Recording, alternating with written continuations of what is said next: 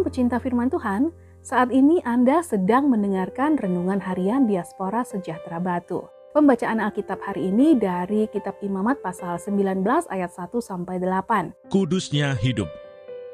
Tuhan berfirman kepada Musa, Berbicaralah kepada segenap jemaah Israel dan katakan kepada mereka, Kuduslah kamu, sebab aku Tuhan Allahmu kudus. Setiap orang di antara kamu haruslah menyegani ibunya dan ayahnya, dan memelihara hari-hari sabatku. Akulah Tuhan Allahmu. Janganlah kamu berpaling kepada berhala-berhala, dan janganlah kamu membuat bagimu dewa tuangan. Akulah Tuhan Allahmu. Apabila kamu mempersembahkan korban keselamatan kepada Tuhan, kamu harus mempersembahkannya sedemikian, hingga Tuhan berkenan akan kamu dan haruslah itu dimakan pada hari mempersembahkannya, atau boleh juga pada keesokan harinya.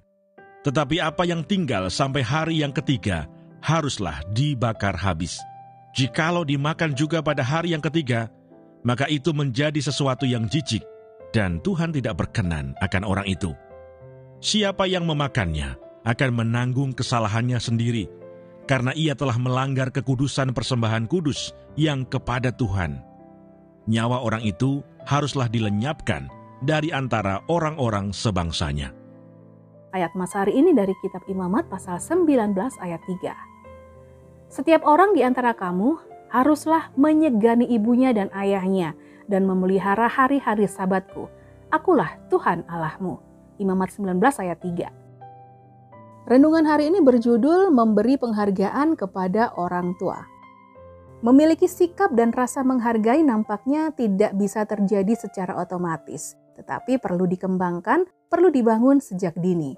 Di media sosial, kita bisa menemukan banyak kasus anak-anak yang tidak lagi menghargai orang tua mereka, seperti anak memenjarakan orang tuanya, melakukan kekerasan fisik, dan bahkan ada yang sampai tega membunuh orang tuanya sendiri. Hal-hal ini bukan lagi menjadi berita kriminal yang luar biasa, yang membuat semakin miris adalah pemicu terjadinya tindakan tersebut hanya karena masalah sepele.